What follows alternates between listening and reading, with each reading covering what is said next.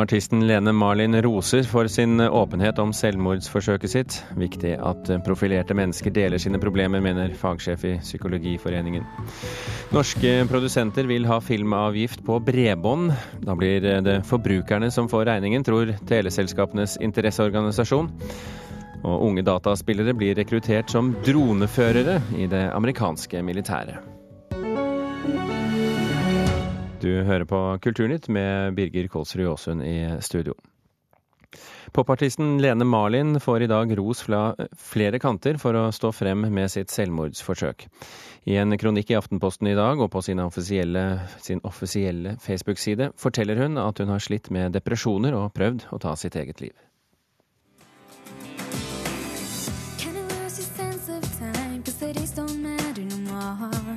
Det er en del av meg. Jeg lever med det hver dag og kommer til å bære det med meg for resten av livet. Så da kan jeg like godt si det høyt. At jeg prøvde å ta mitt eget liv. At jeg ikke fiksa det konstante presset. Det skriver Lene Malin i en kronikk i Aftenposten i dag. Etter at kronikken kom ut via sosiale medier i går kveld, har Lene Malin allerede fått mye ros for å stå fram. Nestleder i Landsforeninga for etterlatte ved selvmord, Kari Ville Rekdal, tror det er viktig at profilerte personer forteller om dette mennesker som, veldig, som, vi, som, vi, beundrer, og som har fått til ting, sett i hvert fall med, med, med, den målestokken at materielle goder er det som er viktig i livet, så vil hun jo fremstå som usedvanlig vel, vellykket. Og det er helt klart at det at hun tør å vise, vise seg naken, nærmest, det tror jeg betyr veldig mye. Og ikke minst det at hun presiserer så veldig at det går en vei videre. Man kan ikke endre på fortida, avslutter Malin, så hvis du som leser dette ikke har det så godt akkurat nå, ikke helt ser hvordan livet noen gang kan bli bedre, vær så snill, hold ut litt til. Tro meg, det er verdt det. Ja, Det sa reporter Runa Rød. Eh, seniorrådgiver i eh, Psykologforeningen, Anders Skuterud, velkommen til Kulturnytt. Takk. Hva betyr det at eh, profilerte eh, norske offentlige personer, som f.eks. Lene Marlin, står frem på denne måten? Vi tror det er bra, for eh, det er fortsatt adskillig stigma rundt både det å ha depresjon og det å gjøre selvmordsforsøk eller begå selvmord. Og det at folk kan kjenne seg igjen i en som da er kjent og profilert, det kan både gi en lettelse i den forstand at det er flere enn meg som har det sånn. Og også dette at det er mennesker som tilsynelatende skal ha det bra. Altså Når vi er veldig deprimerte, er det ofte stor avstand mellom hvorledes vi fremtrer utad og hvorledes vi har det inni oss. Og det da å bli på en måte kjent med at andre også har hatt det sånn, eller har det sånn, det kan gjøre at vi blir ikke så forskjellige i vår egen opplevelse. Det at hun er en profilert og svært populær artist, har det også en effekt?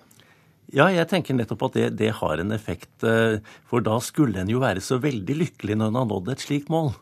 Sånn at mange vil tenke det, og da, og da blir det lettere å, å, skjønne at det presset jeg har vært utsatt for, eller mitt strev, også kan nok forstås. Men vi journalister er jo opptatt av å følge Vær varsom-plakaten som sier at man skal være varsom med å, å bore i saker som dette. Kan det også ha en negativ effekt når man går ut, i verste fall? Ja, det tror jeg, men, men, jeg har lyst til å på en måte si det vi alle vi mennesker trenger, det er jo håp. Altså en tro på at uh, livet er verdt å leve.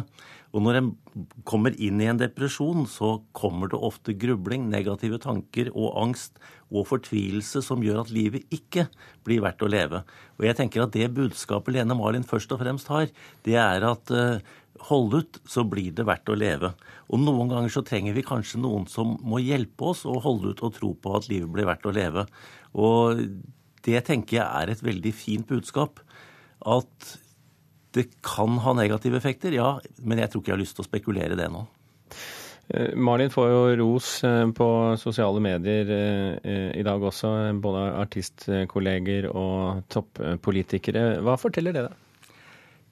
Jeg det, det, det forteller meg, er at det er mange i profilerte posisjoner som er nødt til å strekke seg langt og kjenne presset i den situasjonen. Press på å levere, press på å være bra nok. Vi vet jo også at det er veldig mange jenter, spesielt i dag, men ungdom generelt, men jenter spesielt, som strever med et uh, perfeksjonspress. Altså kroppene skal være bra nok, de skal få flinke, gode karakterer helt tatt det å klare å leve opp til Og det er nok først og fremst egne krav, men det er også samfunnets krav. Og dette smelter jo sammen.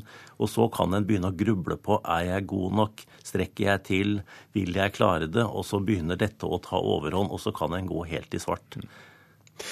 Anders eh, Skuterud i Psykologforeningen, tusen hjertelig takk for at du kom til Kulturnytt. Og så tar vi med at vi selvfølgelig har forsøkt å få tak også i Lene Marlin i dag. Det har vi ikke lykkes med.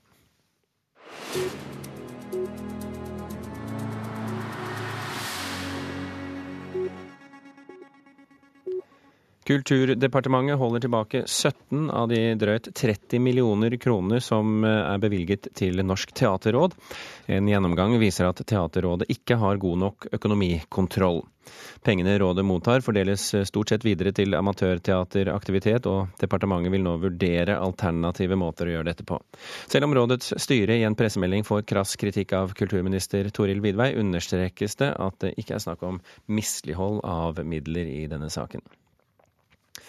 Norske nettbrukere må ta regningen hvis det innføres en ny filmavgift på bredbånd. Det sier teleselskapenes interesseorganisasjon IKT Norge. Norske produsenter ønsker en slik avgift for å få mer penger til å finansiere norske filmer, TV-serier og dataspill. Jo mer penger man kan få til norsk film, jo bedre, tenker nå jeg. da. Så få Telenor og Nett kommer til å betale for norsk film. Ole Kristian Solbakken og Viktor Parkrud sitter på et kafébord utenfor Litteraturhuset i Oslo. De er nyutdanna fra Filmskolen på Lillehammer. Eh, vi sitter og har et møte om, eh, om et manus eh, til en spillefilm som vi har lyst til å kanskje lage sammen. Mm. Men det kan bli vanskelig for Ole Kristian og Viktor å finne penger til prosjektene sine. Norske filmskapere sliter. En nylig framlagt rapport på oppdrag fra Kulturdepartementet viser at tre av fire norske spillefilmer går med underskudd. Vi vinner ikke denne krigen ved å lage aviser, gutter.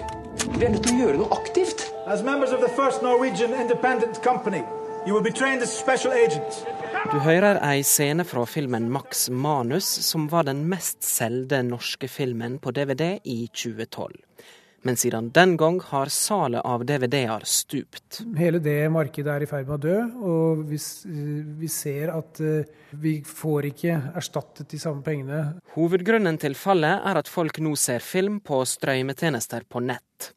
Derfor vil Leif Holst Jensen i Produsentforeninga for film, TV og dataspill at de som leverer breiband, skal bidra. Altså, vi ønsker at telekomselskapene skal enten frivillig eller gjennom en eller annen type avgift bidra til finansieringen av nytt innhold. Det ser vi at skjer i en rekke land, og dette er en bevegelse og en diskusjon som blir mer og mer aktuelt i mange land i Europa. Holst Jensen ser til dømes for seg at ei krone i måneden per bredbåndsabonnement går til å støtte norske filmer og dataspill. Dersom en sånn avgift skulle vært etablert, så vil det i praksis si at alle i Norge pålegges en særskatt for å finansiere norske filmprodusenter. Det er en uholdbar tilnærming. Det sier Torgeir Waterhouse i IKT Norge, teleselskapene sin interesseorganisasjon. Han mener det er forbrukerne som vil måtte betale mer om en får en slik avgift. Han kan kalle det hva han vil.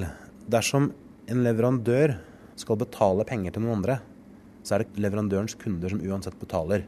Og blant folk på gata i Oslo er meningene også delte.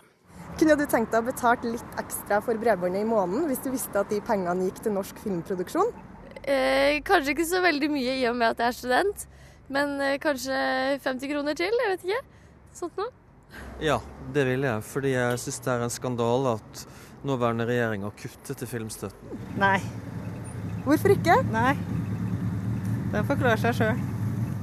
Men Produsentforeninga mener at teleselskapene må være med på spleiselaget også fordi de tjener gode penger på bredbåndsabonnement med stor kapasitet, skreddersydde for nettopp filmer og dataspill. Det er store datamengder som utgjør den veksten som telekomselskapene har hatt de siste årene. Og det er eh, De lever av det innholdet som eh, film-, TV- og spillbransjen har skapt.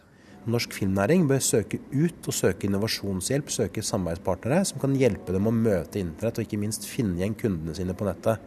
Å sitte igjen i, med hånda stukket fram og be om almisser for å overleve i et digitalt samfunn, er ikke en vei som varer i det lange løp. Du hørte til slutt her Torgeir Waterhouse i IKT Norge, og reportere det var Lars Ivar Nordahl og Åsta Hoem Hagen. Og statssekretær i Kulturdepartementet Bjørgulv Borgundvåg sier regjeringen vil se på forslaget. I den kommende filmmeldingen vil vi se på problemstillinger knyttet til dette, og vi følger også med på utviklingen i våre naboland. Men vi har ingen konkrete planer nå om å pålegge norske teleselskaper finansiere norsk filmproduksjon.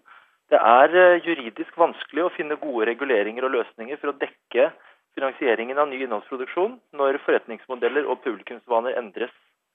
Eh, også norske filmprodusenter er på søken etter nye finansieringskilder etter at inntjeningen fra DVD-salg nå er kraftig redusert. Thank you. I helgen åpnet utstillingen 'Samtidskunsten gjennom naturen', som er et samarbeid mellom Munch Stenersen og Naturhistorisk museum i Oslo. Og for de som da kjenner igjen noe her, så kan jeg fortelle at det er oppfølgeren til utstillingen Munch gjennom naturen. Mona Palle Bjerke, kunstkritiker her i NRK, du var jo veldig begeistret for den forrige. Er denne like bra? Nei, det syns jeg ikke. Den, den har, det er mye godt å si om den, helt klart, og mange flotte verk. Men den når ikke helt opp til det fantastiske nivået som jeg syns Munch gjennom naturen hadde. Hva er det som er bra i denne her, da? Det er mange flotte verk som går inn i naturen og naturens prosesser på mange forskjellige måter. Det er jo mer sånne poetiske tilnærminger, med naturlyriske malerier. Og så er det mer vitenskapelig, nesten, arbeider på en måte, som går inn og studerer naturen nært og på, nesten på en vitenskapelig måte. Ja, og så er det jo kunstverk som går mer nesten i en ren aktivisme. Hva slags aktivisme? Jo, vi har bl.a. Erle Stenberg, Elin T. Sørensen og Stein T. Sørensen som har skapt et, en stor installasjon som tar for seg forsøplingen av havet. Og det, det, er masse, det er en kjempeinstallasjon, men jeg kan jo nevne noe av det. da. Og der, De har tatt opp én dag eh, i våres søppel i løpet av noen timer. Og det er da fal, far falmet, fargerikt plastsøppel i en kjempehaug. Og bare det at det er tatt opp utenfor Nesodden i noen få timer, det viser noe av dette enorme omfanget. da. Og dette er jo en ubehagelig tematikk. Vi liker jo å tenke på havet som friskt og kaldt og vilt og brusende, og ikke som en svær søppeldynge med masse ødelagte bilbatterier og gummidekk og skitne øsekar. Men, men det er jo tross alt et slags ubehag mennesket har dyttet på naturen. Hva med naturens eget ubehag? Jo, det er helt klart også til stede i utstillingen, for naturen er jo ikke bare duftende blomster og solskinn. Og Hege T. Nyborg er nok den som mest går inn i dette. Nesten liksom det ondskapsfulle potensialet i naturen og det, det irrasjonelle og de mørke understrømmene. Hun har fylt en hel vegg med en veldig sånn jevn, vakker skjønnskrift, hvor hun har lagd et flettverk av tekster lånt fra litteratur og film. Her er det tekstutdrag fra Marquis de Sads erotiske roman 'Juliette'. Det er utdrag fra skrekk- eller spenningsfilmer som Roman Polanskis 'Rosemary's Baby' og Hitchcocks 'Frenzy'. Og så har hun på ovenpå dette stringente, rene tekstuttrykket hengt malerier i grånyanser, hvor hun har et goldt månelandskap og også en fri kopi av den britiske romantikeren Henry Fuselis 'The Nightmare' fra 1700-tallet, hvor det ligger en bevisstløs kvinne med et sånt monster på brystet, som er på en måte en sånn legemeliggjøring av den dype angsten i naturen. Da du var her forrige gang og snakket om Munch og naturen, så kalte du den utstillingen for en frodig, ukonvensjonell og innholdsmessig bunnsolid utstilling. Dette var altså i april. Hva er det som gjør at du konkluderer litt annerledes denne gangen? Nei, fordi at dette, Det de greide i Munch gjennom naturen, var jo gjennom for det de gjør i begge disse utstillingene, er å hente inn elementer og objekter fra Naturhistorisk museum, som fossiler f.eks. Og det de greide i Munch-utstillingen, det var jo å skape en virkelig relasjon til disse objektene, og få oss gjennom da fossile Ida, som de hadde i Munch-utstillingen, til å se Munch med nye øyne. Og det er jo ganske fantastisk. I denne utstillingen så opplever jeg at de da 150 millioner år gamle øglefossilene, som er tatt inn i utstillingen, blir litt mer malplassert, og det oppstår ikke noe egentlig relasjon mellom disse og, og kunsten. Så det virker litt mer halvhjertet, denne koblingen. I tillegg så er jo naturen en nokså vid tematikk. Og da er det ganske selvfølgelig at det fungerer mer å orientere det rundt ett enkelt kunstnerskap. Mona Palle Bjerke, takk for at du kom til oss i dag. Klokken er 18 eh, minutter over åtte. Du hører på Kulturnytt, og dette er toppsakene i Dagsnytt nå. Mangelfulle opplysninger i reklame for legemidler kan gå utover pasientene. Vi er ikke fornøyde med at halvparten av påstandene i legemiddelreklamen ikke er korrekte, sier Carita Bekkemellom i legemiddelindustrien. Norge kan få bedre jernbaneforbindelse mot Europa. Norsk-svensk enighet om å utrede ny jernbanetrasé mellom Halden og Gøteborg. Justisdepartementet vil at utlendinger uten lovlig opphold som er dømt til tvungent psykisk helsevern, skal sendes ut av landet. En av grunnene er at utenlandske psykisk sykedrapsmenn koster samfunnet store summer, skriver Aftenposten. I dag starter den tredje rettssaken på kort tid, med Odd Nerdrum i sentrum. Alle har på en eller annen måte handlet om økonomi, og kulturkommentator her i NRK Agnes Moxnes, hva er det det dreier seg om denne gangen? Han har gått ut og inn av rettssaler siden 2011. Eh, Nå handler det om kontraktsjuss. Det er altså en konflikt som har oppstått mellom det som heter eh, The Nerdrum Institute og Odd Nerdrum. Og dette instituttet har da saksøkt Odd Nerdrum for eh, pluss-minus 23 millioner kroner. Hvorfor gjør de det? Eh, Odd Nerdrum, eh, altså På tampen av eh, året 2009 så inngikk Odd Nerdrum et samarbeid med, med dette Nerdrum-instituttet. En tiårsavtale. og Da var jobben deres å skape masse oppmerksomhet rundt Odd Nerdrum, sånn at du kunne få solgt kunsten hans over hele verden. Og for det skulle eierne av dette instituttet få 50% omtrent av, av det som ble solgt. Men så, etter bare et par eh, år, så sa Nerdrum opp avtalen, og det retten nå da skal ta stilling til, det er om han eh, var i sin fulle rett til å gjøre det, eller om han er forpliktet til å stå ved denne avtalen i de ti årene det har vært snakk om. Hva er egentlig The Nerdrum Institute? Ja, altså Ved siden av at de skulle liksom da selge kunst, så sier det ordet institutt betyr jo at det er et slags eh, forskningssted. Når jeg går inn på nettsidene deres nå, så er det nok først og fremst liksom salg og omsetning av Neidrums kunst det handler om. Det er tre ganske profilerte eiere, bl.a. Odd Neidrums gamle venn og samarbeidspartner Bjørn Lie, som er kunstformidler og har drevet Kunsthuset. Og så er det Nasjonalmuseets eh, sjef over en nokså kort og turbulent eh, periode, Alice Helleland, som, eh, som sitter i dette Neidrum-instituttet. Så det er altså de som har reist sak mot ham, fordi de mener altså at de har tapt titalls millioner kroner pga. dette avtalebruddet. Og så er jo spørsmålet mot dem igjen da, er jo om de har gjort en god nok jobb på sin side. Mm. Hva er status i de andre straffesakene Nerdrum er eh, involvert i? Ja, Det er den ene saken. altså ja, det Skatt Øst, han er involvert i. Sak, eh, Skatt Øst-sak mot Odd Nerdrum. Eh, der har Odd Nerdrum fortsatt inne en anke til Høyesterett. Han ber om at den dommen han fikk på ett år og åtte måneder nå på, tidlig på sommeren, at det, den gjøres betinget. Og det forklarer han ved at det er en sak som har pågått i ti år. Han har for lengst eh, betalt det myndighetene mener han skylder, og så begynner han jo å bli en eldre mann som har passert 70 eh, år. Agnes Moxnes, takk for at du kom til eh, Kulturnytt i dag. Unge dataspillere blir rekruttert som droneførere i det amerikanske militæret. Det kommer frem i en ny norsk dokumentar om amerikanske bruk av droner, altså ubemannede fjernstyrte fly. I filmen eh, Drone, eller Drone kanskje, viser eh, regissør Tone Skei hvordan dataspill er blitt et viktig rekrutteringsverktøy for det amerikanske forsvaret. I didn't really understand what it meant to kill. Um, it was horrible. Det var forferdelig, sier dronepiloten Brandon Bryant i den nye norske dokumentaren 'Drone'. Fra basen i New Mexico i USA bombet han mål på den andre siden av jordkloden med fjernstyrte droner. I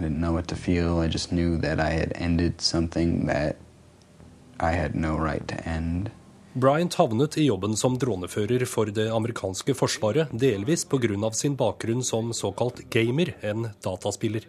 I dokumentaren om det amerikanske forsvarets bruk av væpnede droner har regissør Tonje Hesten Skei møtt flere dronepiloter som har bakgrunn fra dataspillenes verden. Selve ideen til filmen fant jeg når jeg kom over en historie om en gamer som eh, ble med i militæret og automatisk ble plassert til å eh, styre droner pga. ferdighetene han hadde som en eh, gamer.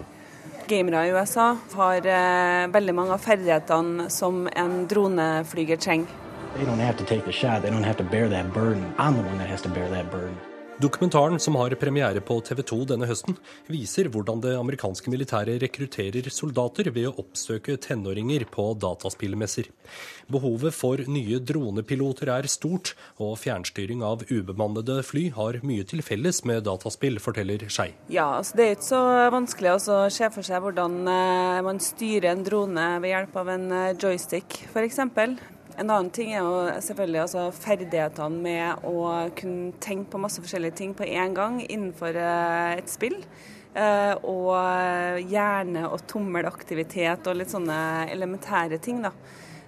Som sier jo noe, Noen av ekspertene vi snakka med sier at man ser ut lenger etter en, en, kriger, som man gjorde i gamle dager. Nå er det mer liksom ja, the revenge of the nerds man er ute etter. You never know who you're killing. Bruken av væpnede droner til å bombe militære mål er blitt stadig mer omfattende de siste årene. Skei håper filmen vil lede til en etisk debatt om fjernstyrt krig. Det er jo store nye etiske, moralske og juridiske aspekt som vi har nødt til å diskutere rundt den teknologien her. Eh, blir det noe lettere å gå til krig? Er det lettere å drepe? Vi står liksom på et skillepunkt nå der det er kjempeviktig at vi får i gang et internasjonalt lovverk rundt den teknologien her, og passer på hvordan altså, framtida vår kommer til å, å se ut. Reporter i denne saken det var Halvor Haugen, og dokumentaren eh, 'Drone', eller 'Drone', den skal altså da ha premiere på TV 2 i løpet av høsten.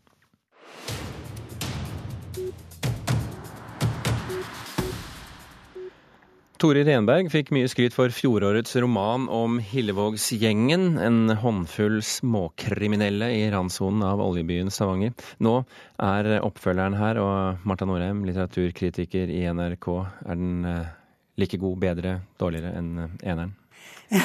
Jeg vil si han er like god, men du vet det lumske med serier er jo at du skjemmer folk bort med første boka, og så begynner en å vente enda mer.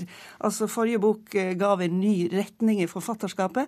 Nå går han videre i samme, samme retning. Og det gir ikke liksom det samme sånn wow-reaksjonen eh, hos leserne, men det, det, er en veldig god bok. Han holder høyden. Vi skal liksom få noe ekstra, tross alt? ja, eh, vi får noe ekstra i den forstand at han han lar ting endre seg. Altså Det var en hard kjerne av et søskenpar pluss en kjæreste i første boka. Nå utvider han kjernen. I tillegg så uh, får du noen uh, nye trekk. Eksempel så blir denne dama i, i gjengen gravid. Det fører til slike ting som f.eks. at de går ifra å høre på heavyrock og snakke veldig stygt språk hele dagen, til å snakke pent og begynne å høre på Odd Nordstoga. og det er jo i seg sjøl en, en, veldig morsom eh, overgang. Det er en veldig morsom bok, da. Eh, og de tenker at nå skal de bli lovlydige en gang for alle. De skal bare gjøre det der store, store siste brekket. Og det er jo det det selvsagt handler om, da. Ja. Eh, er dette en god bok? Hva er det eventuelt som gjør den til en god bok? Ja, altså, Dette er jo for det første ikke en kriminalroman. Det er en roman om kriminelle. Der du går inn i altså, De har liksom kjøttpålegg i kjøleskapet som har gått ut på dato, de også. Og, og, og, de lurer på hvordan det skal gå med fødselen. Altså de, de er veldig normale. Eh, og, og, det gjør jo at du får en slags eh, sympati for eh, folk som du på gata ville gått nok en liten eh, runde rundt, for de er nok fryktelig skumle, disse typene. Mm.